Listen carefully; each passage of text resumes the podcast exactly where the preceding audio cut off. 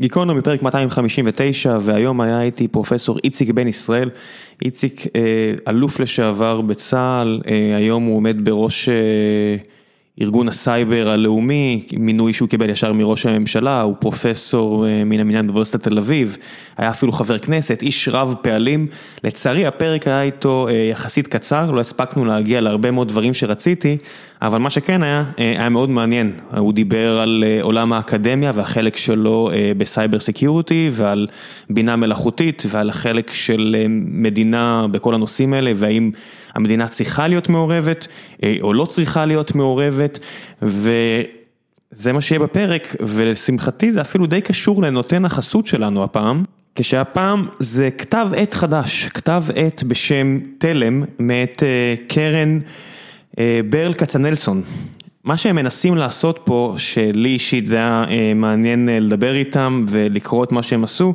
מן הסתם אחרת לא הייתי גם מסכים לחסות, כי אתם יודעים שדי חשוב לי התכנים עצמם, אז כתב העת הזה לא מתבייש מה שהוא מנסה לעשות, הוא מנסה לתת קונטרה לימין האידיאולוגי שקיים בארץ, שזה גם משהו שאין לי בעיה איתו, כל עוד הוא אינטליגנטי ומעניין, והם עושים את אותו דבר מהצד השמאלי של המפה הפוליטית, כלכלית, מדינית, כשהם בעצם הקימו כתב עת חדש, לא קליל, זה קריאה מעניינת, כבדה, למי מכם שאוהב את זה, הם שלחו לי את הגיליון הראשון, הספקתי לקרוא כבר כמה וכמה דברים שם.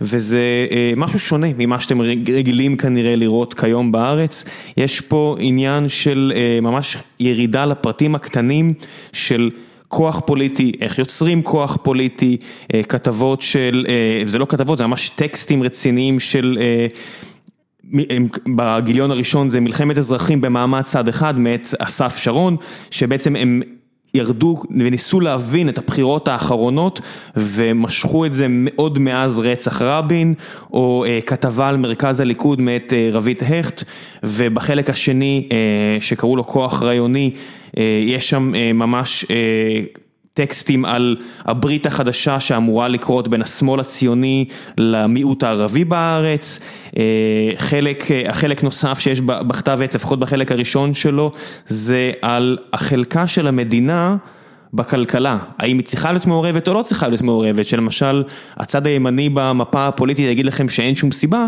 אבל הפרק שתשמעו תכף עכשיו, תראו למה יש מקרים שכן צריכה להיות התערבות ממשלתית.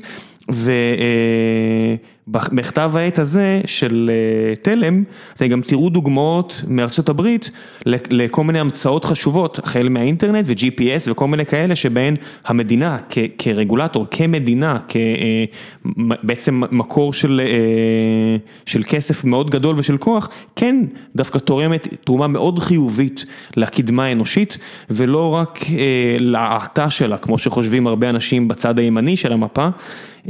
וזה גם משהו שמופיע בגיליון הראשון של תלם, אז אני מאוד ממליץ, אני אשאיר לכם לינק, תסתכלו עליו, תראו אם מעניין אתכם, תספרו לחברים במידה וכן, אם תירשמו אפילו תקבלו את הגיליון הראשון בחינם, אז אני אשמח מאוד אם תעשו את זה, ובשבועות הקרובים במסגרת החסות הזאת אני אכנס טיפה יותר לעומק ואספר על עוד כתבות וטקסטים שהופיעו באותו כתב עת ראשון, ונקווה שילך להם טוב, ואני גם אגדיל ואומר שאני מקווה שגם מהצד השני של המפה הפוליטית נראה יותר ויותר טקסטים מעניינים כמו שלאחרונה התחילו להופיע, ועכשיו גיקונומי. פרק 259 עם איציק בן ישראל, פרופסור איציק בן ישראל, תהנו.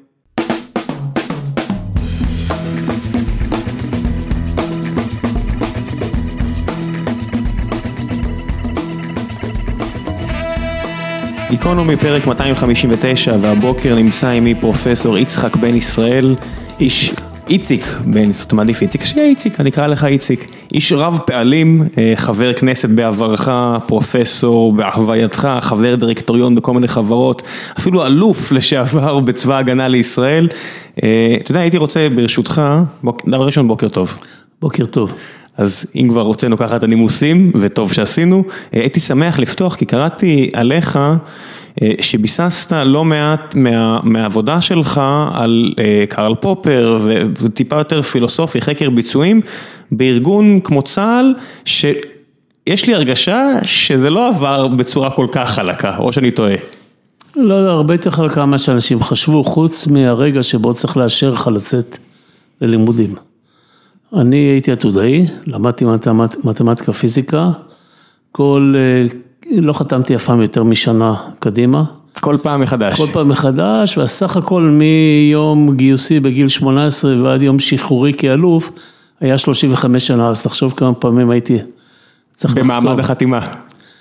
אה, ובין היתר צה"ל היה מאוד אה, נחמד אליי, מעולם, זאת אומרת תמיד שאלו אותי מה אני רוצה לעשות, אף פעם לא אמרו לי לעשות דבר אחר, וחוץ מזה מכל איזה חמש-שש שנים קיבלתי שנה שנתיים לחזור לאוניברסיטה, להשלים את הפיזיקה, את התארים מתקדמים, וברגע מסוים שעוד פעם קיבלתי הזדמנות כזאת, הלכתי ללמוד פילוסופיה, מתוך מחשבה שהבסיס בעצם לחשיבה סדורה אה, בענייני, בעניינים שיש להם משמעות, כי אתה יכול לדבר גם על חשיבה סדורה בלוגיקה, אבל בעניינים שיש להם משמעות לבני אדם הוא פילוסופיה.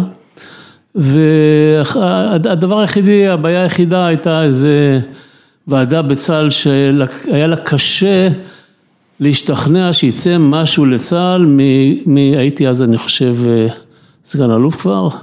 מזה שסגן אלוף יצא, או רב סרן, סגן אלוף יצא ללמוד אה, פילוסופיה, אבל אפילו זה עבר בשלום. אז אתה רואה שאף פעם לא אמרו לי לא. אתה יודע, אתה תמיד יכול להגיד שכל תואר דוקטורט הוא בסופו של דבר תואר אה, פילוס... כן, בפילוסופיה אבל... רשמית על הנייר, לא? כן, אבל זה רק כי אנחנו נורא שמרנים באוניברסיטאות ושומרים את כל השפה והמוסדות והטקסים מימי הביניים. אוניברסיטאות נוסדו במאה ה-11 לספירה. איטליה ועוד כל מיני מדינות. בעצם זה שאנחנו רואים עד היום פקולטה, דיקן, רקטור, אה, דוקטורט תמיד הוא בפילוסופיה, כי זה היה הדבר היחידי שהיה אז, בהתחלה, אחר כך זה התפצל לכל מיני אה, דברים אחרים. אה, זה רק, והמדים, הבגדים האלה שבהם מקבלי התארים מתלבשים. מסורת. זה הכל, כי זה מוסד מאוד שמרני בכל מה שנוגע ל... לארגון, לטקסים. מפריע לך? באיזשהו מקום? זה, זה, יש בזה פרדוקס. זאת אומרת, מצד אחד אנחנו רואים היום שהאוניברסיטאות זה מעוז החדשנות בעולם, לא רק, זה לא רק בישראל. אומרים? זה עובדתית כמעט נכון, אפשר לומר. עובדתית, הרבה מאוד מהרעיונות פורצי הדרך הגיעו מהאוניברסיטאות. הנושא העיקרי שמעסיק אותי בשנים האחרונות זה כל מיני שימושים של המחשב, החל בסייבר וכלה באינטליגנציה מלאכותית. צריך לזכור שהמחשב זה פרי הגותו של איזה סטודנט לתואר שני בקיימברידג' באנגליה. אלן טיורינג. אלן טיורינג. אה, וזה, וזה די נכון עד ימינו, זאת אומרת, אה, הרבה מאוד מהרעיונות הפורצי הדרך נולדים באוניברסיטאות. כן, די מדהים, אם אתה מדבר על משהו שהוא אה, עתיק יומין, אפילו המבנה של המחשב עם זיכרון, מעבד, יחידת עיבוד מרכזית, הכל, זה רעיונות בני 60-70 שנה שלא כן, השתנו אז, הרבה מאז. אז, אז, הדברים שאתה מציין, אנחנו קוראים להם בשם היותר מקצועי ארכיטקטורת פון נוימן, mm-hmm. ופון נוימן הוא האיש שבנה ראשון מחשב עלי אדמות, זאת אומרת, אחרי שהוא בתור אה, פרופסור בפרינסטון בארה"ב, אליה הוא נמלט מעליית הנאצים כן. באירופה, יהודי, אחרי שהוא בא למכון ללימודים מתקדמים בפרינסטון שאיינשטיין הקים, אז אסף את כל הגאונים.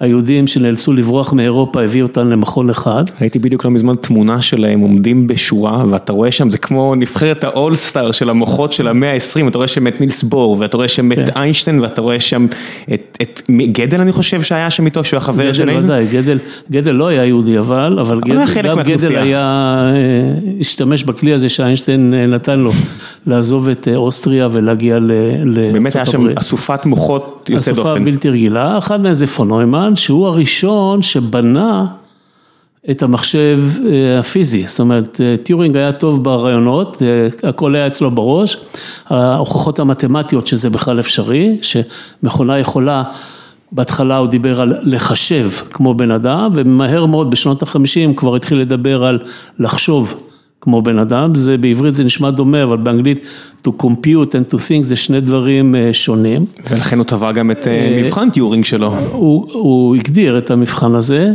שזה אומר המבחן, אם יש לי בסוף מכונה שהיא אינטליגנטית, איך אני יודע אם היא אינטליגנטית או לא? אה, אני שם אותה מאחורי מסך, אני לא מסתכל עליה, אני מתקשר איתה דרך, דרך הרשת, דרך צג של מחשב, ואם אני שואל את השאלות, אני משוחח אותה, ואם אני לא מסוגל להגיד בסוף, אם מי שענה לי זה בן אדם, או מחשב, אז זה עבר את המבחן, המבחן הזה קרוי על שמו מבחן טיורינג, אה, אבל אם נחזור רגע לעיקר, הרעיון נולד באוניברסיטה אצל אה, טיורינג, וכמו כמעט כל רעיון פורץ דרך במאה השנה האחרונות, מי שלקח אותו ועשה אותו טכנולוגיה עובדת זה הביטחון. כמה שזה נשמע מוזר, גם אותו פון נוימן שבנה את המחשב הראשון שסיפרתי עכשיו, עשה את זה עבור ה-United States Army, עבור ה army האמריקאי, אחרי מלחמת העולם השנייה, כי במלחמת העולם השנייה שניהם, גם פון נוימן וגם טיורינג היו עסוקים. בלוס אלמוס. אחד, אחד, טיורינג היה עסוק בבריטניה בפיצוח כן. מכונת ההצפנה האניגמה הגרמנית, ופון נוימן היה המתמטיקאי הראשי של פרויקט מנהטן. שבנה את הפצצה האטומית הראשונה, בכלל פון נוימן הוא איש רב מעללים. כן, בכל זאת אחד מהמוחות היותר מבריקים. הוא גם המציא את תורת המשחקים, שעד היום יש כמעט כל שנה מישהו שזוכה בפרס נובל על יישום של תורת המשחקים. הרחבה קטנה. גם אצלנו, כמו פרופסור ישראל אומן. כן. שהוא אה, המשיך ופיתח את תורת המשחקים למקרה של סדרה אינסופית של משחקים. לא או אריאל רובינשטיין שכבר היה פה. אריאל רובינשטיין, אני מאחל לו שיקבל פרס נובל. לא, אני אומר, מאנשים, כן. יהודים חכים שעסקו בתחום. עדיין לא קיבל, עדיין אני לא. מאחל שיקבל. אה, בכל אופן, אה, אה, למרות החדשנות הזאת שצומחת באוניברסיטאות, וזה מקור החדשנות כמעט לטכנולוגיה במאה ה-20, למרות זאת זה נשאר מוסד מאוד שמרני, לפעמים זה לא טוב מתי. כש, וזה נוגע לענייננו, כשצומחת לה פתאום איזושהי דיסציפלינה שהיא לא בתוך הקווים המוגדרים היטב, כן, זה קרה וזה קורה נורא לאט, זאת אומרת בהתחלה שהאוניברסיטאות האלה נוסדו בימי הביניים, היה להם רק, יכולת ללמוד או, או רפואה, או משפטים. או תיאולוגיה. או פילוסופיה, שאז זוהתה עם תיאולוגיה, מהר מאוד הפרידו את השתיים. לתיאולוגיה ולתיא... ולפילוסופיה טבע, זאת אומרת, אם אתה עוסק ברוחני, ב... ב... במה שלמעלה, ב... זה תיאולוגיה, ואם אתה עוסק בדברים ש... הגשמיים בעולם הזה וזה, אז זה פילוסופיה, אפילו קראו לזה פילוסופיה טבע. ניוטון, כשהוא כותב את הספר שלו, הפרינקיפיה, שמשנה את הפיזיקה בעולם בעצם, הוא לא פרופסור לפיזיקה באוניברסיטה, הוא פרופסור לפילוסופיה טבע. פילוסופיקה נטורלי, כן, הוא, אה, רק אחריו התחילו לעשות אה, פיזיקה, ורק אחרי איינשטיין למשל, שבקושי התקבל לאוניברסיטה בגלל שהיה לו איזה גנים יהודים, רק אחרי איינשטיין בכלל פירקו את הפיזיקה לפיזיקה תיאורטית, פיזיקה ניסויית, יש אה, לאט לאט המבנה של האוניברסיטאות משתנה, אבל משתנה נורא לאט, זה עוד מילא, כי זה, יש לזה מסורת. כשצריך לאחד איזשהן דיסציפלינות, כן, קח לדוגמה נגיד סייבר.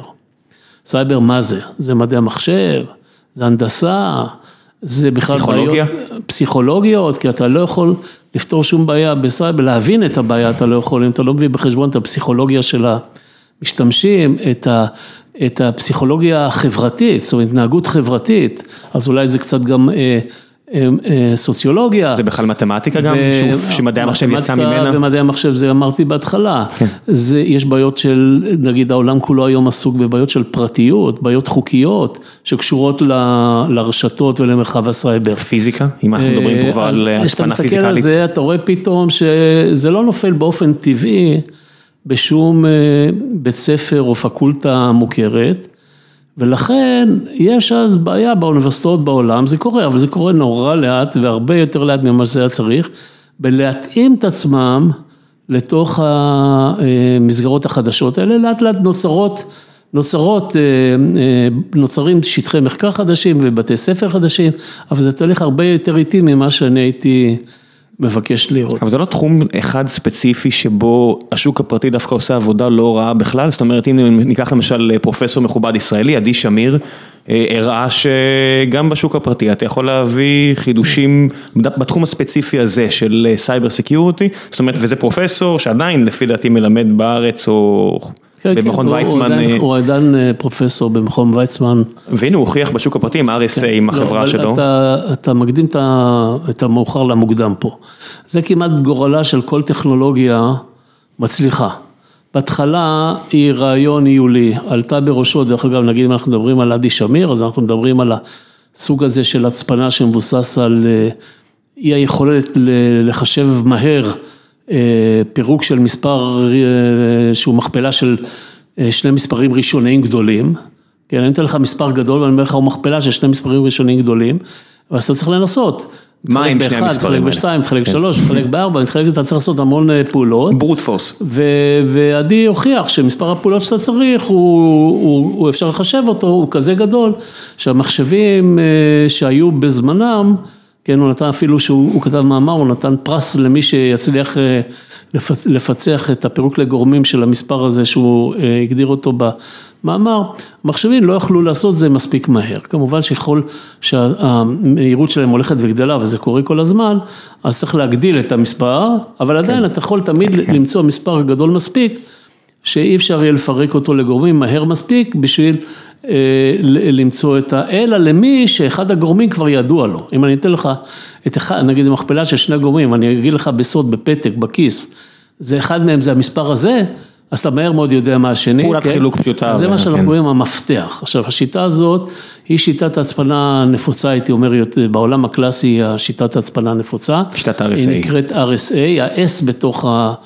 בתוך RSA זה שמיר, כן, זה SH כותבים שמיר, אז ריבט, שמיר ואדלמן, וזה, עד כאן זה הולך כמו כל דבר, המצאה מחקרית אקדמית, שברגע מסוים גופי הביטחון היו הראשונים שהבינו את הפוטנציאל, כי גופי הביטחון הם הראשונים שהיו צריכים להצפין, ראה דוגמת יורינג עם האניגמה, כן, זה התחיל כבר אז, וברגע מסוים, וזה קורה לכל טכנולוגיה, ואם אני, אני עכשיו נותן לך את הדוגמה של הצפנה, תחשוב על אותו דבר על המחשב. כן, הארמי האמריקאי בנה מחשב הראשון, וברגע מסוים הטכנולוגיה היא, היא משתפרת עד כדי כך שהיא נעשית כבר זולה מספיק ויעילה מספיק בשביל להיות אטרקטיבית לשוק המסחרי, וזולה מספיק בשביל שגופים מסחרים יוכלו לקחת את ה... ומהרגע הזה בדרך כלל מתחולל מהפך, ברגע זה נופל בידיים של השוק. ששם יש הרבה כסף וכמויות אדירות, לא עושים מחשב אחד, כן, כשאני התגייסתי לצה"ל, מה שהזכרנו קודם, היו במדינת ישראל פחות מעשרה מחשבים בכל המדינה. עם כרטיסיות. עם כרטיסיות, עם זה, אבל עדיין זה היו מחשבים בכל המדינה, פחות מעשרה, זה קשה אפילו להעלות על הדעת, כן, שזה מה שהיה היום יש לנו בכל בית. אנחנו מדברים על סוף שנות ה-60? אנחנו מדברים, כשאני התגייסתי זה 1970. זה... מזמן. כן. היו פחות מעשרה מחשבים בכל מדינת ישראל. היום לכל בן אדם יש מחשב אחד לפחות. לפחות, כן. אלא אם כן אתה לוקח על גופך שני סמארטפונים, אז זה כבר שניים פר בן אדם, פלוס כמובן הלפטופים וכל שאר הדברים. זה, זה עלייה עצומה, אבל זה היה המצב. זה נובע, התפוצה האדירה הזאת נובעת בגלל היכולת לייצר כל שנה וחצי, אנחנו קוראים לזה חוק מור, כל שנה וחצי מחשב שהוא בערך פי שניים יותר חזק ופי שניים בערך יותר קטן. כן, חוק מור זה חוק שנחזה ב-65 על ידי גורדון מור, שאמר, כשהוא מסתכל, המחשב הראשון שנבנה מטרנזיסטורים על יד אמות זה היה 1960, עד אז בנו משפופרות ואקום. ב-1960 הוא הסתכל חמש שנים אחרי ההתחלה, למרות שהיום אנחנו מלמדים את כל הסטודנטים שחמש שנים אחרי ההתחלה זה אי אפשר לעשות אקסטרפולציה לעתיד. זה... רגרסיה ליניארית קצרה מדי, אתה מתאר לי פה. לא עומד מאחורי זה שום בסיס שאתה יכול לסמוך עליו, אבל מור היה לו איזו תובנה שאומרת מהחמש שנים האלה, כל שנה וחצי אפשר, הטרנזיסטורים קטנים, מייצרים אותם קטנים יותר, אפשר לשים פי שניים יותר טרנזיסטורים על צ'יפ של מחשב. ואז זה לא נשמע פי שניים, לא נשמע הרבה, אבל תחשוב רגע כמה, כמה שנים עברו מ-1960 לעכשיו, זה נגיד בערך 60 שנה, 60 שנה זה בערך 40 פעם שנה וחצי, אז תחשוב 2 כפול 2 כפול 2, 40 פעם, אתה מקבל 2 בחזקת 40, שזה אה, אה, משהו כמו, אה, נגיד נחלק את 40 ל-3, אז זה יצא לנו 13. אז זה בערך 10 בחזקת 13, זה, זה, זה, זה מספר אדיר, זה כן. 10 בתשיעית זה מיליארד, 10 ב-12 זה, זה טריליון, טריליון. כן. אתה מקבל מספר שהוא טריליון בערך, כן? פי טריליון מ-1960 עד היום, וזה בערך גם מה שקורה. אני מניח שהוא לא חשב על הסיטואציה שבה כבר הגודל ממש של ה... כן, הוא... של התהליך הפיזיקלי יעצור אותו. נכון, זה, זה, אנחנו נמצאים היום שם. היום אנחנו בונים uh, צ'יפ של... Uh, תשעה ננומטר. של אפילו שבעה, תשעה יש לך כבר מסחרי, אבל כבר בונים uh, שבעה, עכשיו תזכור שרדיוס, בונים את זה מאטומים של סיליקון. רדיוס האטום של סיליקון הוא בערך עשירית ננומטר, זאת אומרת שאם אני בונה בטכנולוגיה של שבעה ננומטר, זה אומר 70 אטומים. 70 אטומים, זה אומר, נגיד בעוד שנה וחצי, אם, אם זה יימשך ככה, אז יהיה 30 ומשהו אטומים, קח עוד שנה וחצי, זה שלוש שנים מהיום, זה יהיה 15 אטומים, קח עוד שנה וחצי, זה יהיה כבר פחות מעשרה אטומים. אתה יכול לראות שתוך פחות מעשר שנים, אם הקצב נמשך, נגיע לאטום אחד או שניים. זאת אומרת, אנחנו מדברים ממש מסילות, תדמיינו את עצמכם ממש מסילות בסיליקון, שדרכן אמור, אמורים לעבור אטומים בסופו של דבר. כן, אז, אז, אז כמובן שמגיעים לאטום אחד, אי אפשר כבר חצי אטום, אני לא יכול לבנות טרנזיסטור מחצי אטום, כי אטום בגלל זה היוונים קראו לזה אטום? כן, אטום הוא, כן, זה דרך אגב מעניין, כי אנשים, הרבה אנשים חושבים שהיוונים גילו את האטום או הכירו את האטום. מי שחשב על הרעיון שיכול להיות שהחומר בלתי ניתן לחלוקה, זה דווקא היו פילוסופים, בלי מושג קלוש בפיזיקה או מה עושים עם זה, אבל, אבל יש אופנה מאוד אה, מקובלת באינטליגנציה של המאתיים שנה האחרונות, שממציאים משהו חדש, לתת לו שם יווני, ולכן האטום, מי שבאמת הוכיח פעם ראשונה שיש אטומים, אני מדבר בצד, במובן הפיזיקלי של העניין הזה, זה בן אדם שבעבודת הדוקטורט שלו הסביר שכל מיני תופעות, אי אפשר להבין אותן אלא אם יש אטומים, רק אז הקהילה המדעית השתכנעה, זה 1905, יהודי בשם אלברט איינשטיין, המוכר לכל... הניסוי הפוטואלקטרי. לכל שומן, זה לא הניסוי הפוטואלקטרי, זה עבודת הדוקטורט. באותה 1905... לא, זה הוא קיבל את הפרס, לא? באותה 1905 הוא כתב איזה חמישה מאמרים.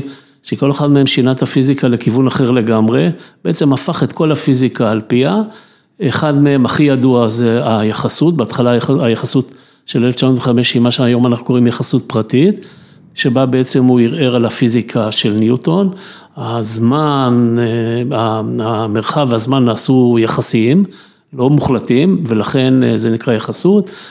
את הדוקטורט הזכרתי, אחד מהמאמרים האלה הוא מה שנקרא אפקט הפוטואלקטרי, שהוא בעצם אה, פתיחתה של אה, תורת הקוונטים.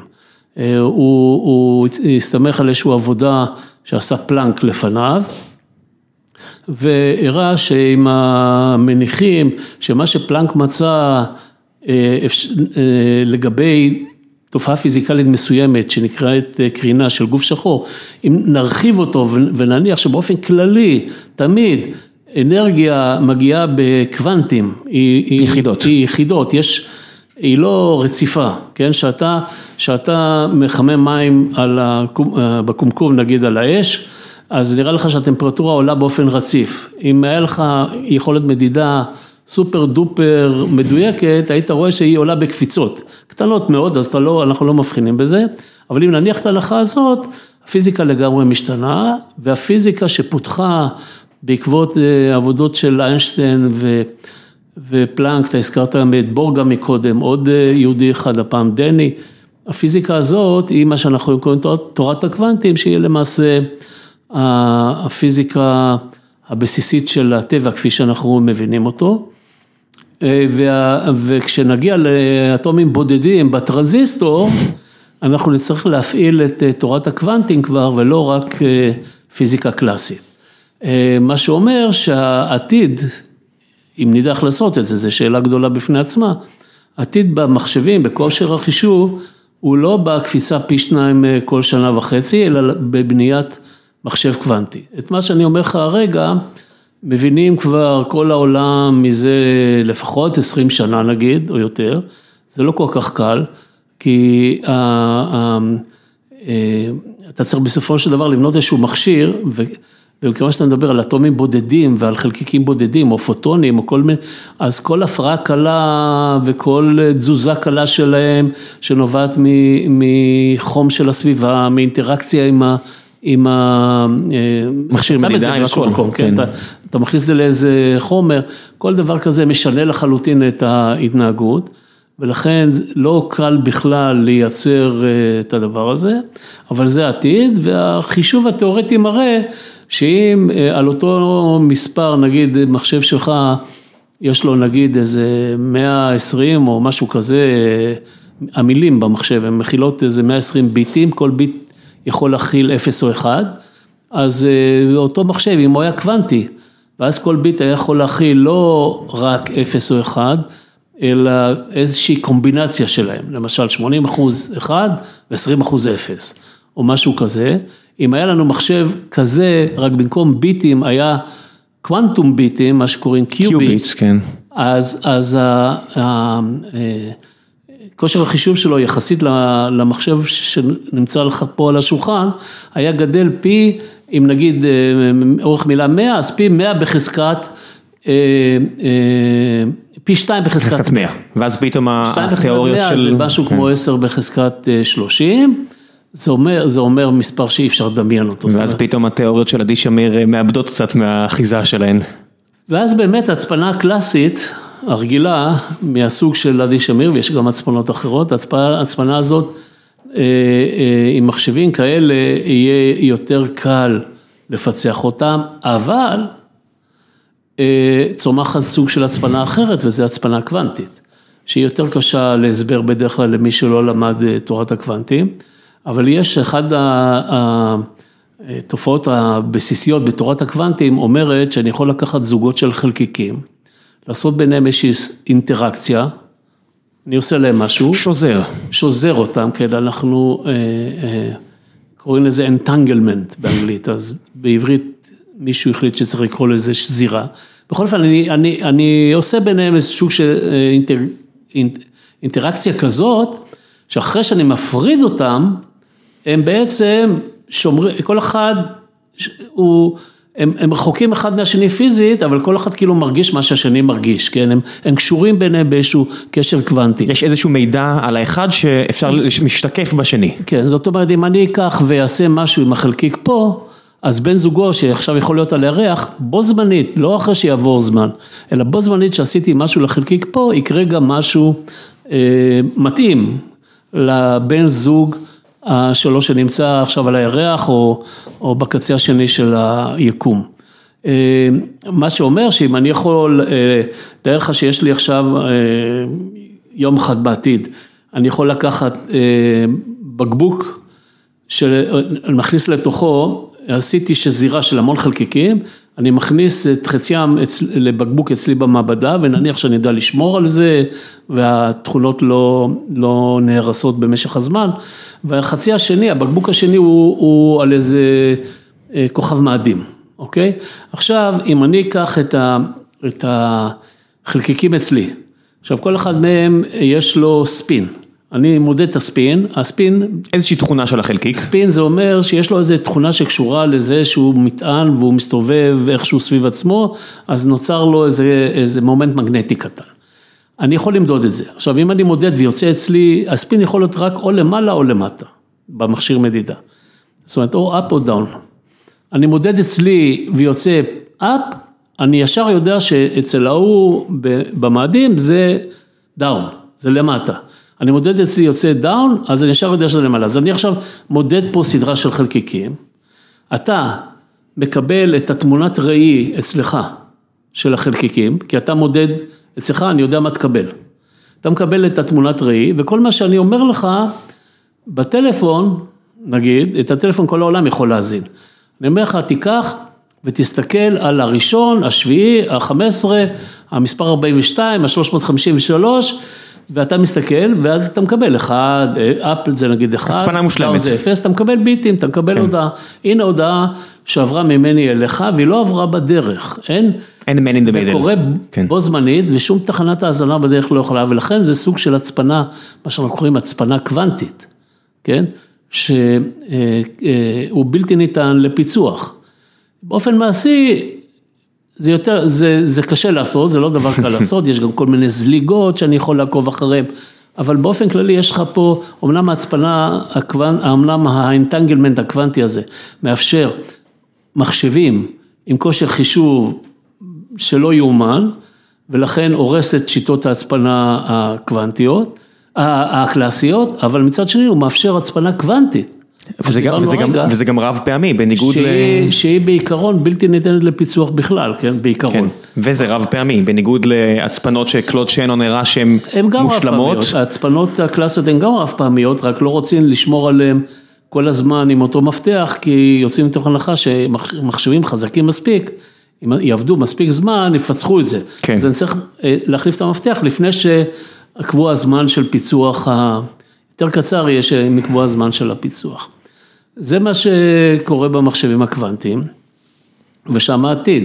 היום, אה, נגיד בשנה האחרונה, מיוני שנה שעברה, אה, אה, אני יחד עם עוד פרופסור באוניברסיטת תל אביב, בשם אביתר מתניה, שהיה ראש מערך הסייבר הלאומי במשך שש שנים, מערך הסייבר הלאומי הוקם ב-2012 בעקבות עבודה שאני עשיתי בזמנו לממשלה, על בוא ניקח את הדבר הזה שקוראים לו סייבר ונוציא אותו מהארון באיזשהו מובן. זאת אומרת, בוא נהפוך אותו מנושא שעד אז עסקו בו רק אה, במודיעין, בכוחות הביטחון, אה, מאחורי חומת הברזל של אה, סודיות.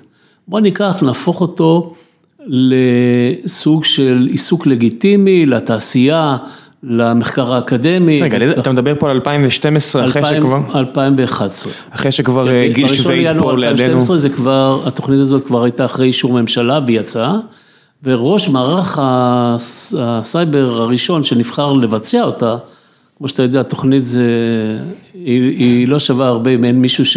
יבצע. שיעשה אותה.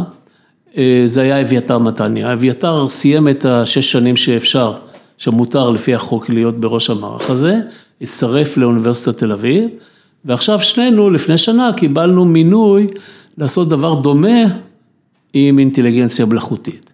ו, ולכן אתה לא תתפלא עכשיו לשמוע שכשאנחנו מדברים על אינטליגנציה מלאכותית שבין היתר היא קשורה לכושר מחשוב חזק מאוד, לא תתפלא לשמוע שבהמלצות שלנו על אינטליגנציה מלאכותית, יש גם המלצות שנוגעות למחשוב קוונטי, לתקשורת קוונטית, להצפנה קוונטית, לכל הדברים שדיברנו עליהם הרגע. בסוף הדברים נהיים פתאום מעשיים, אבל הם נהיים מעשיים אחרי שזה הרגע הזכרנו, איינשטיין כותב את המאמר שלו על האפקט הפוטואלקטרי ב-1905.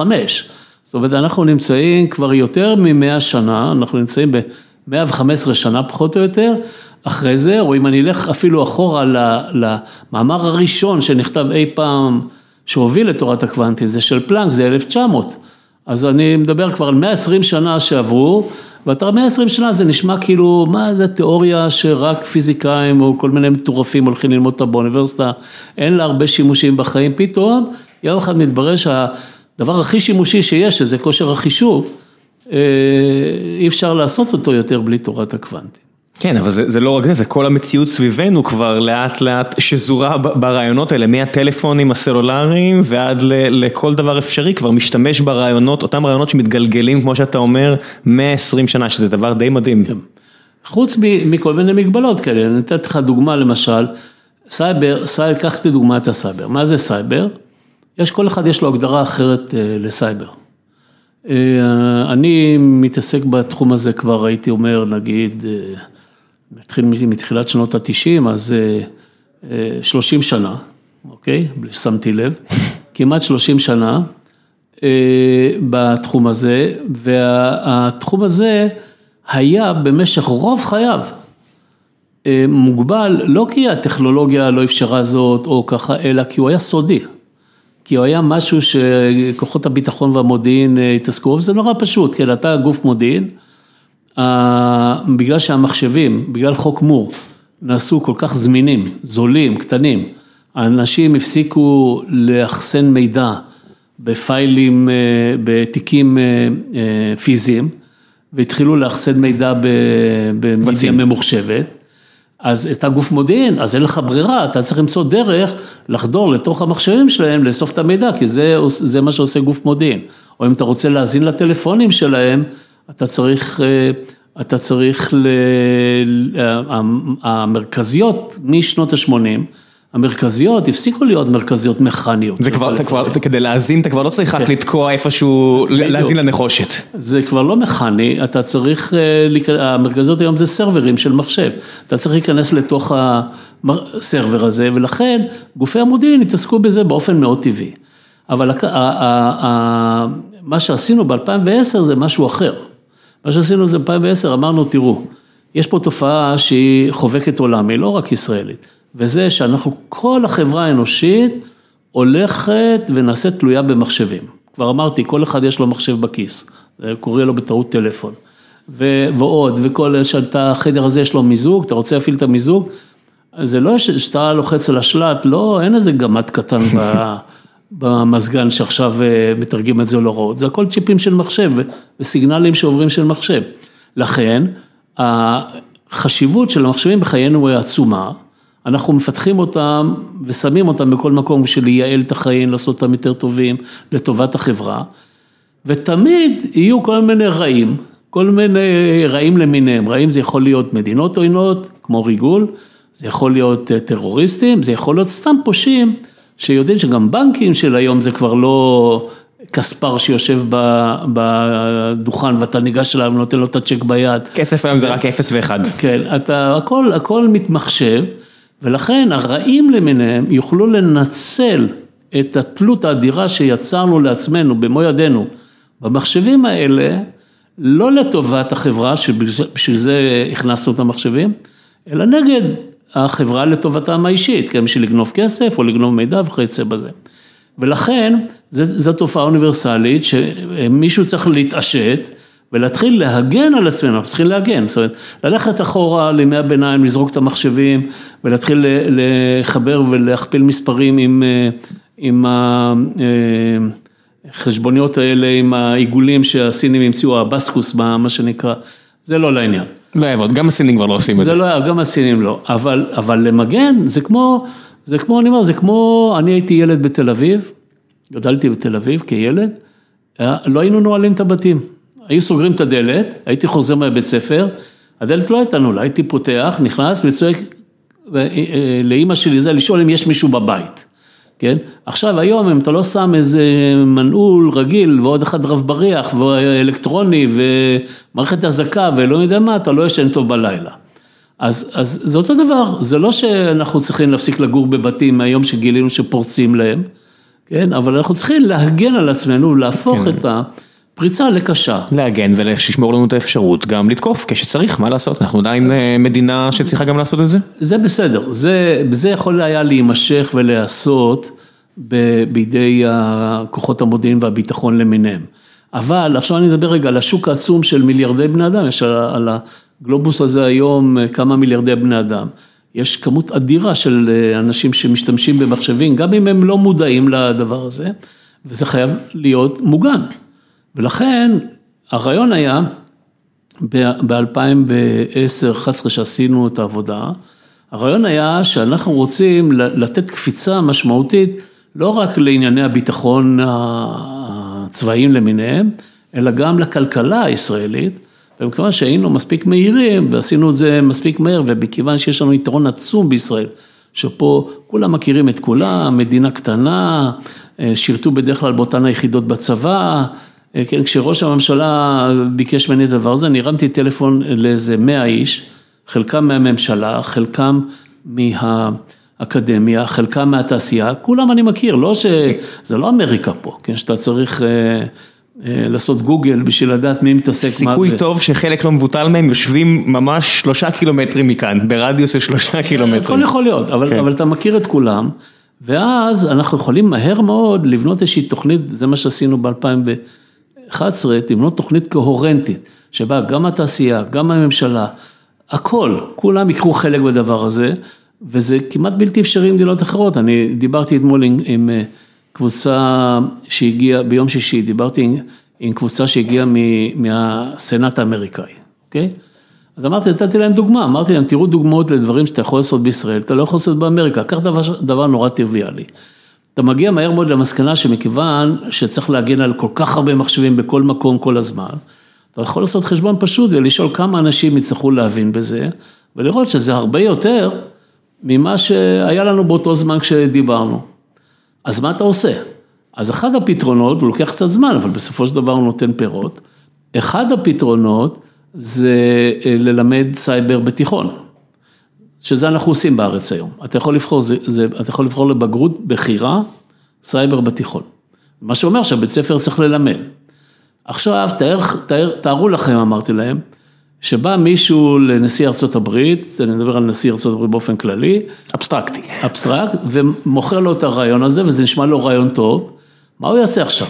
איך הוא יכניס לכל התיכונים באמריקה, לתוכנית הלימודים, לימודי סייבר. הוא יצטרך לדבר עם 50 מושלים, 50 סנאטים מקומיים, הרבה פעמים זה בכלל עיריות, הוא יכול לבלות את כל הפעמיים, ארבע שנים שלו, כאילו, בכל הקדנציה שלו בקיצור, הוא יכול לבלות ולא יצליח לעבור על רבע מהדבר הזה, וזה לא יהיה. עכשיו, זה לא שהאמריקאים לא מבינים, כן, כל שאתה מדבר עם מומחים, מבינים את זה תוך שנייה, אבל אנחנו שלנו, אנחנו תמיד אומרים, יש לנו חסרונות, כי אנחנו קטנים, כי אנחנו זה, בין היתר זה סוג של עוצמה. אותו הדבר אנחנו עושים היום באינטליגנציה המלאכותית. בסייבר, מכיוון שעשינו את זה מהר לפני כולם, נהפכנו לסוג של מוקד לעלייה לרגל.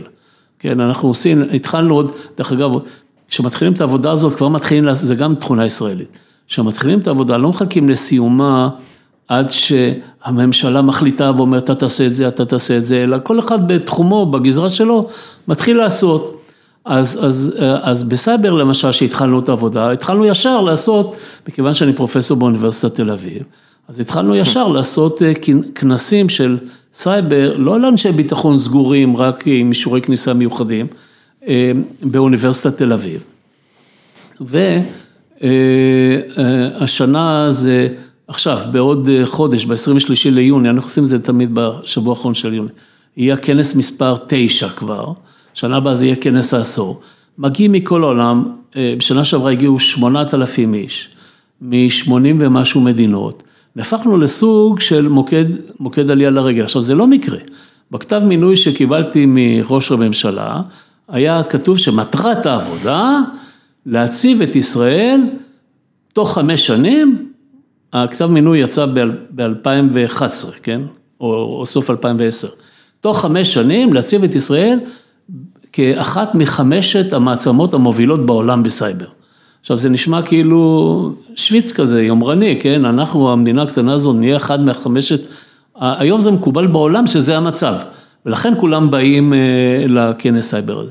אותו דבר אנחנו עושים עכשיו ב-AI, העבודה ב-AI בעיצומה, עוד לא זה, אבל אני אתן לך שתי דוגמאות, אחת פשוטה, כמובן שאנחנו עושים כבר השנה כנס AI גדול לפני, ה, לפני שיש בכלל תוכנית, ואני אתן לך דוגמה שהיא די מפתיעה, לפני ארבעה, חמישה חודשים עשה איזשהו מכון מחקר אירופי, מיפוי של כל הסטארט-אפים בעולם שמתעסקים ב-AI, ב-AI זאת אומרת artificial intelligence, בינה מלאכותית. כל הסטארט-אפים בעולם. הוא מצא ש-40 אחוז מהם, שזה נשמע הגיוני וטבעי, נמצאים בארצות הברית, רובם סביב סן פרנסיסקו, הווה אומר אה, סיליקון וואלי. עמק הסיליקון, סיליקון וואלי. המדינה השנייה בעולם עם כמות הסטארט-אפים אה, אה, אבסולוטית, אנחנו מדברים אבסולוטית, לא פר נפש, מספר, לא, כן. כן. זה הייתה סין עם 11 אחוז, והמדינה השלישית בעולם הייתה ישראל עם 10 וחצי אחוז. עכשיו אתה מסתכל על ישראל, יש לנו כמעט אותו מספר כמו סין בסטארט-אפים ב-AI. למרות שבסין, אה, איך, איך אמר לי פעם מישהו, אתם, אמר לי סיני אחד, אתם ואנחנו ביחד יותר ממיליארד וחצי איש, אבל, אבל הם המיליארד וחצי. היתוש של הפיל. כן, אה, וזה עוד לפני שהתחלנו. אז אני אתן לך את זה בתור דוגמה למשהו שקורה עוד לפני שיש תוכנית ממשלתית, לפני שיש מנגנונים לעידוד. ישבתי עם אה, אהרון אהרון לא מזמן, והוא גם אמור להגיע פה לפודקאסט אה, עוד, חודש, עוד כחודש, אז הוא אמר שמבחינתו הדבר שהוא מזהה שהיזמים הישראלים הכי טובים בהם, זה לא אה, להקים שדרות ניהוליות מפוארות, הכל זה לזהות טרנדים ולדעת לברוח מטרנדים שקריים. בדיוק. ו-AI, אתה יודע, כאחד שנמצא בתעשייה הזאת כבר לא מעט שנים ומריח לאיפה חבריי היזמים הולכים, אז AI, אתה רואה שאנשים עשו double down על זה בהתחלה ונורא חזק. בדיוק, וזה הדבר שהתכוונתי, אף אחד לא מחכה לכלום, כן? לא. כבר החוש ריח, הרי מה זה סטארט-אפים? זה בדרך כלל אנשים צעירים יחסית, שיש להם רעיונות טובים בראש, והם מנסים. כן. ילך, יהיה טוב, לא ילך, לא טוב. בישראל, אחד, כן. בישראל כל שנה נולדים איזה 1,500 סטארט-אפים, מתים איזה 1,300. ה-200 שנשארים, זה לא אומר שהם יישארו שנה אחרי זה, כן? אבל, אבל, אבל זה בדיוק, זה הכל מין ניסוי וטעייה גדול כזה, זה מעבדה אדירה של, הם לא חיכו לכלום, עוד אין תוכנית, עוד אין הכרזות, עוד אין זה, אה, אנחנו כבר השניים שלישים בעולם בכמות הסטארט-אפים, אותו מספר כמו סין, למרות הפרשי גודל. ואני משוכנע שאחרי שיוקמו כל התוכניות, ולמשל הזכרת את, את המדען הראשי, את הרשות לחדשנות, אז הם עובדים עכשיו על תוכניות עידוד מיוחדות שיעודדו, בתוך כל ההייטק הזה, יעודדו יותר את תחום ה-AI מתחומים אחרים, שכל זה יקרה, אז אתה תראה קפיצה גדולה בסטארט-אפים בישראל.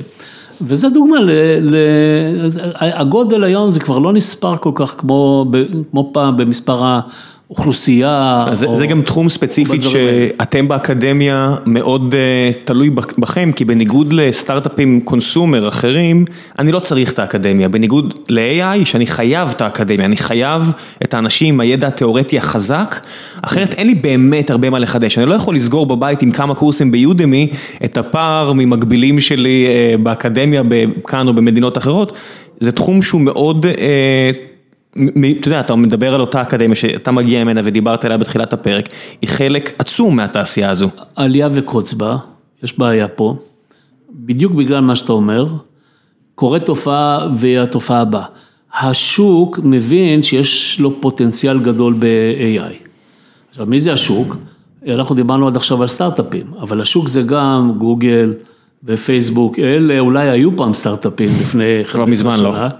כן, לפני 15 שנה, לא היום, אבל היום הם ענקים, שהתקציבים שהם מעמידים לרשות הדברים האלה זה שווים בגודלם תקציבים שמדינות מעמידות, והם מסתכלים, חסר להם אנשים, איפה הם נמצאים? אנשים, כמו שאתה אמרת, באקדמיה, אז בלופ, הם בולעים את הפרופסורים מהאקדמיה, זאת אומרת, מה זה קרה בולעים? או גרוע מכך, את המסטרנטים עוד לפני שהם נהיים דוקטורים. את כולם, הם בולעים את כל, ה, את כל השדרה, מתחילים בפרופסורים, כי זה לא הרבה. מציעים להם משכורות ששום אוניברסיטה בעולם לא יכולה באמת אה, אה, להתחרות בהם. ועכשיו אין פרופסור, אין יצור של אה, דוקטורנטים ומסטרנטים. את הדוקטורנטים והמסטרנטים הם בכלל גם חוטפים כעובדים קודם, ופתאום אתה רואה שאתה אומר כאילו זה נשמע נורא הגיוני, יש עכשיו AI זה תחום עולה, אז בואו קודם כל נכפיל את כמות הבוגרים שיש לנו באוניברסיטאות ב-AI. זה נשמע כאילו מסקנה מתבקשת מאליה, ואז מתברר לך שאין פרופסורים ללמד, אין סטודנטים ש... אה, נשארים ללמוד. עוד עושים, כי מדעי המחשב תואר ראשון וזהו, אבל לא נשארים אחר כך לתארים המתקדמים, ואתה נמצא בפני שוקת שבורה. עכשיו, זה סוג של כשל, שרק מדינה יכולה לטפל בו, זה שום אה, תעשייה לחוד, אוניברסיטה לחוד, לא תוכל לטפל בדבר. לאף חברה אין אינטרס, לאף חברה פרטית אין אינטרס להשקיע את זה. כי לכל אחד יש אינטרסים הפוכים. נכון. ולכן רק מדינה, ולכן צריך את ה... את העבודה הזאת שאנחנו עושים היום ב-AI, שאתה פעם אחת יושב, יש לנו היום 300 איש שעובדים על הדבר הזה. אתה פעם אחת יושב, מציף את כל הבעיות, אתה מגלה פתאום כל מיני כשלים, זה, זה רק דוגמה אחת שנתתי לך, כן? שאין להם פתרון אלא באיזושהי תוכנית לאומית כללית, שהיא תצטרך גם להכניס משאבים לעניין הזה. שמע, אתם גם לא, אתם לא ממציאים פה את הגלגל, אני קורא על התוכניות שהממשל הסיני למשל עושה, שהוא סימן את ה-AI ועוד כל מיני תחומים כ... כ... בדיוק דיברתי על זה, אני חושב בפרק שעבר, ששמעתי איזה ש... אני חושב שזה היה בנאום של שי ג'ינפינג, שהוא אמר שאת המהפכה התעשייתית פספסנו, את מהפכת המידע הראשונה פספסנו, את המהפכת ה-AI אנחנו לא נפספס, אנחנו נוביל. ופתאום הפיל הזה שהיתוש הקטן יושב עליו, כבר מאיים אה, לא להישאר באותו גודל כמו היתוש, הוא אומר אני רוצה הכל. ואני שומע מאנשים, אתה יודע, שאני לא אציין את שמם, אה, אנשים מאוד מכובדים בתעשייה, שעלי באבא כבר אומרים, עזבו את החברות האמריקאיות, בואו אלינו, נקים פה מרכז, אה, ואנחנו כבר ניקח אתכם אלינו. עדיין, זה נכון מה שאתה אומר, וזה דרך אגב, לא רק סין, מה שאמר הנשיא הסיני עכשיו זה רק הד קלוש למה שאמר לפני כחצי שנה פוטין ברוסיה. וכמובן מארצות הברית, זה בעצם כל העולם כולו הבין את זה, אלא מאי? יש לכל מיני מדינות, יש אה, יתרונות מסוימים ויש חסרונות מסוימים שנובעים מהתרבות ומצורת המשטר. למשל, אחד היתרונות של הסינים, כשהם אומרים את זה, כן, שהנשיא הסיני אומר, אז ממחר בבוקר כולם עוברים לדום, והתקציבים מוקצים, והאוניברסיטאות פותחות את הקורסים המתאימים, זה נכון. מצד שני, דווקא בגלל צורת המשטר והתרבות הסינית, כמות האנשים שמוכנה לקחת על עצמה סיכון ולהיכשל, ואני מזכיר לך שאמרתי לך, סטארט-אפ, בגדול, המדד הגדול, מדינת ישראל היא נקראת אומת הסטארט-אפ, Start-Up Nation, אחוז ההצלחה של סטארט-אפים באומה זה בערך חמישה אחוז. זה חמישה אחוז מאלה שהצליחו, אל תשכח, יש כל כך הרבה שאתה בכלל מספרים אצלך, כי הם לא גייסו את ה seed. חמישה אחוז. זאת אומרת, שאתה פותח סטארט-אפ וכבר מישהו נותן לך כסף ואתה תתחיל לעבוד, אתה יודע שיש לך סיכוי של 95 אחוז להיכשל. אתה כמובן, כל אחד מאמין שהחמישה ששלו, זה אחד מהחמישה אחוז שיצליחו, כמובן, כן? אבל יש לך 91, מאוד לא מתאים, לא לתרבות הסינית ולא למשטר הסיני. לכן, אם אתה מסתכל למשל על הצד הזה של המשוואה, ואתה סופר כמה סטארט-אפים יש שם, אתה רואה שזה אותו מספר כמו בישראל. זאת אומרת, אנחנו לא נמצאים פה, אה, היחסים המספרים הגדולים, זה, זה לא כל הסיפור כולו. אז תחומים האלה אנחנו צריכים לנצל ולהיות באמת, אחד, זה, זה מטרת העבודה שלנו ב-AI, כמו שהייתה בדיוק בסייבר, אחד, אחת מחמשת המדינות המובילות בעולם, בטכנולוגיה של אה, בינה מלאכותית, ואנחנו מבינים במילה בינה מלאכותית, טכנולוגיה של בינה מלאכותית, לא רק את ה-machine learning, שזה מכונות לומדות, שזה לב העניין, אלא זה קומבינציה של עוד איזה שבעה תחומים נוספים.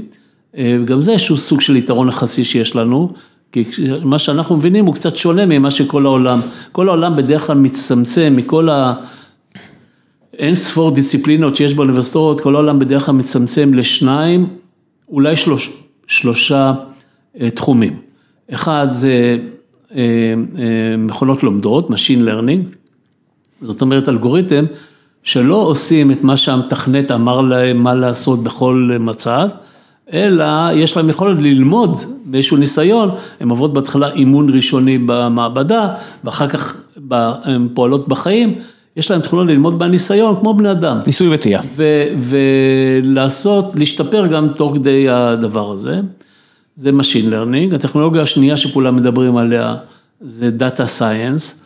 שפעם קראו לזה Data Mining, או שאני הייתי סטודנט עוד קראו לזה סטטיסטיקה, זה הכל שמות אחרים אבל לאותו דבר, יש לך אוסף עצום של נתונים, ובעולם הדיגיטלי של היום זה, הוא כמעט אינסופי, יש לך אוסף עצום של נתונים, אני רוצה להוציא ממנו איזשהן משמעויות אה, כלליות מתוך הדבר הזה, וזה היום אנחנו קוראים לזה Data Science.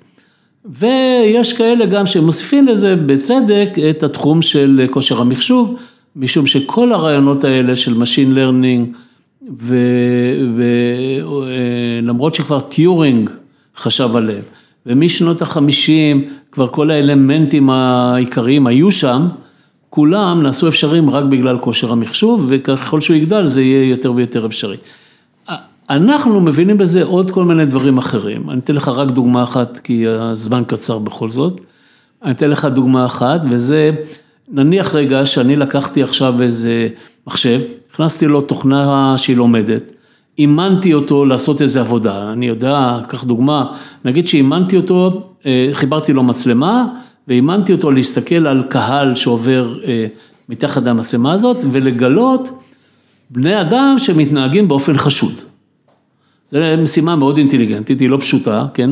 אתה לא יכול להגיד אם למישהו מה זה, איך בדיוק מגלים באופן חשוד, אבל אתה יכול ללמד אותו על דוגמאות מהעבר, כמו שאנחנו בני אדם אה, עושים את זה, ואתה יכול אחרי זה, הוא עובד, הוא יכול להמשיך ללמוד תוך כדי שהוא עובד. עכשיו כשהוא עובד, הוא יכול ללמוד מהניסיון של עצמו, אבל הוא יכול ללמוד גם מתמונות, הרי מצלמות יש לנו במדינה במאות אלפים בכל המדינה.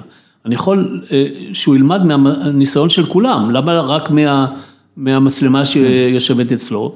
בשביל זה אני צריך לחבר איכשהו את המצלמה שלו עם כל שאר המצלמות ולמצוא איזה דרך אפקטיבית להעביר תקשורת ביניהם ופתאום אני מגיע לתחום אחר לגמרי שהוא בכלל לא נחשב בעולם כבינה מלאכותית, הוא, הוא עצמאי, הוא נקרא IoT, Internet of Things, האינטרנט של החפצים, שבו יש לך העברת מידע בין אה, סנסורים שונים, מתעסקים בזה בדרך כלל מהנדסי אלקטרוניקה יותר. יחידות קצה הרבה יותר חלשות. עם יחידות יותר קטנות גם, יותר יעילות, יותר זולות. יש תחום שלם שנקרא IoT, אה, ובתפיסה שלנו הוא חלק בלתי, זאת אומרת, אם יהיה לנו גם אותו, וגם מכונות לומדות בכל מקום, וגם כושר מחשוב מספיק, אנחנו נוכל לקבל מערכות אינטליגנטיות הרבה יותר חזקות. מאשר המערכות הרגילות. היית רוצה לראות אה, את ישראל מרושתת כמו לונדון או דובאי או לא יודע מה, עם באמת עם מצלמות בכל פינה שמחוברות לאיזושהי ישות מרכזית שתדע לנתח אותם? אני אה, אה, לא בטוח שצריך אפילו ישות מרכזית. גם זה, זה סוג של פרדיגמה שאני חושב צריך לבחון אותה ואנחנו בחנו אותה בצוות הזה ואנחנו, אני עוד לא אומר מה ההמלצות שלנו. כי עוד לא הגשנו אותם לאף אחד, ואני לא רוצה פעם ראשונה להודיע. זה לא המקום כנראה. פה. אה, אבל, אבל יש לך הרבה מאוד, אה, תיקח לדוגמה מה שבחיים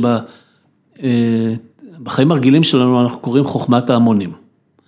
מה זה חוכמת ההמונים? כל אחד יודע משהו, למי יודע מה הוא יודע, ובסוף כל הקהל כולו מתנהג בצורה אינטליגנטית, בלי, זה לא שכל, כולם מדווחים לאיזה מרכז, ובמרכז זה יושב איזה גאון אחד או מחשב אחד ועושה עיבוד של כל הדיווחים והוא מחליט. כל אחד אה, קונה את המניות, מוכר את המניות, קונה את המניות וזה, ופתאום אתה רואה שהקהל מתנהג בצורה, איזה, דוגמאות יותר פשוטות, תסתכל רגע על נחיל של אה, אה, דבורים, נגיד, כן? הוא עף, או של ציפורים, כן? להקה גדולה של ציפורים. או, או דגים דרך אגב, זה, אני ראיתי לא מזמן כזה באחד מה, מהסרטים בטלוויזיה, דגים, אה, מגיע כריש, יש שם אלפי או עשרות אלפי אה, דגים שכולם נעים ימינה, שמאלה, שוברים פתאום ככה וזה, אין שום מוח מרכזי, בכל הדוגמאות שנתתי לך, כל אחד מתנהג כאילו לעצמו, אבל כל אחד רואה גם את הקרובים אליו, הוא מושפע מהשכנים שלו, מה... מהידידים שלו וכך הלאה, ובסוף כל הדבר הזה כולו מתנהג עם, עם המון לוגיקה שאומרת, בהתנהגות הזאת, הכריש אה, יפגע בנו כמה שפחות, כן, או כל הדברים הללו. אה, ולכן אני אפילו לא בטוח שאנחנו צריכים אה, מוח מרכזי, אם אני חוזר לדוגמה של ה... אלגוריתמיקה מבוזרת לגמרי, שתשרת את המטרה. לגמרי, כן. מהבחינה הזו, אז כל מה שאתה אומר עכשיו, מה שמעניין זה שגם סייבר סקיורטי וגם AI, בסופו של דבר המגבלה היא על מוחות, על רעיונות, על כוח אדם. דבר נוסף שאתה מעורב בו, ששם זה מתחיל להישבר, זה חקר החלל, ושם אה, אנחנו כבר מגיעים למקום שבו תקציבים, מכונות, פיתוחים מעשיים, כסף, נהיה כבר אה, כן. ממש אה, תקרת זכוכית. חלל הוא דוגמה, גם הוא הלך בעקבות הטרנד הזה שאני תיארתי לך אותו מקודם, שבראשית אנשים המציאו משהו, זה בא מרעיונות של אנשים בראש, הרבה מאוד פעמים, כמו שאמרתי לך, באקדמיות. אחר כך הביטחון לקח את זה, בחלל ככה זה קרה גם בעולם וגם אצלנו.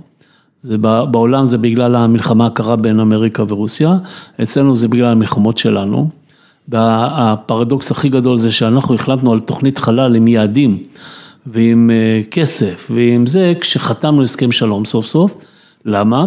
כי אחרי חתימת הסכם השלום עם מצרים, לא יכולנו יותר לשלוח מטוסי צילום, לוודא שהם שומרים על הסכם השלום. צריך לפקח יותר מגבוה כדי לראות מה קורה שם. זה, זה פרדוקסלי כזה, ולכן אותו ראש ממשלה, מנחם בגין, שהחליט על, אה, חתם על ההסכם השלום עם המצרים, הוא גם זה שהחליט שישראל צריכה לווייני צילום. השלב הבא, אמרתי לך, זה שברגע מסוים התעשייה האזרחית מגלה את זה, הופכת את זה למצרך המוני, ואז זה נעשה אה, משהו הרבה יותר טוב, יותר משוכלל יותר, זה קרה עד היום רק, כמעט אך ורק בתחום לווייני התקשורת, דווקא. כי אתה, כל אחד מאיתנו משתמש בלווייני תקשורת כמעט כל יום, בלי שהוא שם לב לזה, כי תחשוב על ישראל, יש לה איזה כמה כבלים ספורים על יד אחד של כבלים תת ימים. שמעבירים לתקשורת מהעולם החיצון. שניים אזרחים לפי מיטב ידיעתי. משהו, אה, אני לא רוצה להגיד המספר כי הוא גובל בבעיות ביטחון שדה כבר, וכל השאר זה, זה יכול לבוא רק מלווייני תקשורת, וכשאתה יושב בערב בטלוויזיה ורואה ערוצים שמשודרים, לא יודע, ב-CNN, משודר מאטלנטה, זה לא ב... זה לא ב... אטלנטה אין לה קו ראייה אלינו, אלא משם זה עולה לוויין תקשורת, לוויין תקשורת הזה מוריד את זה ל... תחנה מרכזית בארץ, אם יש לך אנטנות לוויין אז אתה יכול גם ישירות, אבל בדרך כלל לתחנה. התחום הזה ממומן כבר כמעט כולו בעולם על ידי גופים אזרחיים. עדיין השיגורים, הטילים הענקים שצריך בשביל להעביר, להעביר את הדברים לחלל, הכניסה של אה, השוק האזרחי לתוך תחום החלל, בניגוד למחשבים שדיברנו עליהם קודם, הייתה הרבה יותר איטית. התחילה להשתנות בחמש שנים האחרונות, משהו כזה. יש טרנד חדש שנקרא New Space. ב New Space הזה אומר בוא נעשה את הדברים יותר קטנים, יותר זולים, אולי אה, פחות אמינים ממה שבדרך כלל הצבא דורש, אבל הכמות תפצה על, ה, על האמינות. ואנחנו רואים אה, כניסה כמעט כל שנה זה מכפיל את עצמו יותר ויותר של אה, חברות פרטיות. יזמים פרטיים, חברות פרטיות, זה תואם את הטכנולוגיה של מה שאנחנו קוראים ננו לוויינים, דוגמה, שתי דוגמאות אני אתן לך בארץ ובזה אני מניח אנחנו נסיים. אה, אחת זה שמדינת ישראל הייתה הראשונה שבית ספר תיכון, במקרה הזה בית ספר בהרצליה, אה, אה, בנה ננו לוויין ושיגר לחלל לפני חמש שנים והוא עובד עד היום. והשנייה זו דוגמה שכל אחד בציבור אני מניח מכיר אותה, זה בראשית, כן, זה קבוצה של יזמים פרטיים, בלי, זה לא פרויקט ממשלתי. יזמים פרטיים. אחד מהם למדתי באוניברסיטה, אני יודע שהוא, אתה יודע, אני, אתה יודע, הוא איש פרטי, כפיר, כן. נכון, חלמה וביזמות הישראלית האופיינית, דחפה את כל העולם ואשתו, לעזור להם, לנחות על הירח, הנחיתה לא הצליחה בסוף בגלל, דרך אגב, טעות אנוש, מישהו בשניות האחרונות של הנחיתה לחץ על כפתור שלא היה צריך ללחוץ עליו, אבל זה קורה בחיים, וברגע זה אנחנו עומדים בהתנעה של בראשית שתיים. בוא נעשה קצת שאלות מהקהל בעשר דקות שנותרו לנו. עשר דקות. מרטין סעד שואל, אה, מה אתה חושב, אז הוא שואל, אה, מה אתה חושב על מיזמי חלל פרטיים, למה אנחנו לא רואים יותר סטארט-אפים, מיזמי חלל פרטיים, למה אנחנו לא רואים יותר סטארט-אפים ישראלים בתחום, האם חסם הכניסה גבוה מדי, אני אוסיף שקראתי לא מזמן שלוקסמבורג למשל מובילה עכשיו בכמות החברות שפועלות אה, בתחומה או משגרות מתחומה, בגלל שהמדינה שם פשוט החליטה להקל מכל מיני בחינות אה, כלכליות על העניין הזה. כן, אה, מה אני חושב על מיזמי חלל פרטיים, אמרתי הרגע, זה תחום כן. חשוב, הוא מתפתח, הוא בחיתוליו, הוא בעיקר צריך יותר עזרה ממשלתית בכל התחומים. דיברנו על רשות החדשנות, כל המנגנונים האלה צריכים להיות יותר פתוחים. לחלל. לוקסמבורג זה לא דוגמה טובה, כי זה מדינה שבה גם הרבה חברות נרשמות מטעמי מס. זה רק מיסוי. והן לא באמת עובדות ומפתחות את החלל ב... זה לא באמת מדינה, כן. כן, זה לא בדיוק הדוגמה, אבל זה דוגמה למדינה שהבינה שהשוק הזה הוא כזה רציני, יש לנו היום איזה 350 מיליארד דולר בשנה בחלל. 350 מיליארד דולר בשנה. זה בשביל מדינה כמו לוקסמבורג פיתוי מספיק גדול בשביל להתחיל למשוך חלק מהשוק הזה אליה. אז בוא נעשה עוד שאלה קצרה יותר אישית עליך, מורי אמיתי שואל, איך אתה לומד תחומים חדשים? לפי הביוגרפיה שלך התעסקת בחקר ביצועים, ההשכלה שלך היא כזו ואחרת, ונראה שאתה אה, מתמודד עם המון המון אתגרים, אה, לכאורה מאפס, על חלל, על סייבר, על בינה מלאכותית, אז איך אתה נכנס לתחום חדש? אני, אני לא יודע, אני, אני יכול להגיד שיש לי מזל. שמאז שאני זוכר את עצמי, אני זוכר את עצמי רצוף בערך מגיל 6, כל מה שרציתי לעשות תמיד, המערכת סביבי הסכימה שאני אעשה. זה מצריך הרבה מזל, במיוחד שחלק גדול מהזמן הזה זה בצבא, ו, ו, ואני לא רואה סיבה, ש, אני, אני ממש לא מבין למה, למה זו שאלה, זאת אומרת, ככה זה, מה מונע ממך לעשות מה שאתה רוצה? כלום. כל בן אדם צריך לדעת מה הוא רוצה נכון לעכשיו, אתה יכול להחליף את זה בעוד חמש שנים. לא, השאלה גם היא יותר פרקטית, איך למשל אתה נכנס לתחום חדש? אתה לומד. זאת אומרת, מה, אתה מתחיל עם מאמרים, מתחיל אין זון, לשחק עם דברים? אתה מתחיל עם קריאה של מאמרים וספרים, ואתה מדבר עם אנשים. ואני בכל התחומים שהתעסקתי, בסוף יצא לי לדבר עם האנשים הכי מבינים בעולם, לדבר איתם על הדברים האלה. ואתה המון אינטראקציה, זה, לימוד זה עניין אינטראקטיבי מאוד. יכול להיות אה, עם, אה, עם המחשב, ויכול להיות בסופו של דבר עם הרבה אנשים, אתה אנשים בדרך כלל, אה, ממחשב הוא יותר צפוף במובן שאתה הרבה יותר אינפורמציה קולט בזמן קצר, אבל את אותן התובנות שאתה מקבל מאנשים, קשה מאוד לקלוט ממחשב או מספרים, ובסוף, תראה, לכל אחד מאיתנו יש את ה-24 שעות שלו ביממה, וכל השאר באמת תלוי, אני חושב, רק בידינו, לא תלוי בשום דבר אחר. נראה לי בנימה זו נסיים, כי אני יודע שאתה עכשיו נורא ממהר למקום אחר. תודה רבה רבה על זמנך פרופסור, אני מקווה שנעמנו את זמנם גם של המאזינים, ואם יש לך משהו שאתה רוצה להמליץ להם לפני שנסיים, הבמה שלך, אם יש לך איזשהו כנס שאתה רוצה להזמין אותם, תוכנית לימודים שאתם מקדמים, כל דבר. אני אשמח לראות אותם בכל מקום, הדבר הכי קרוב עכשיו כרונולוגית, הוא ב-23 ביוני, שבוע הסייבר, שנערך על ידי מערך הסייבר הלאומי ואנחנו באוניברסיטת תל אביב, כל האירועים הם בקמפוס של האוניברסיטה, זה לא עולה כסף, אפשר לבוא ולראות, צריך להירשם באתר, נשמח לראות את כולם. תודה רבה רבה, ביי ביי.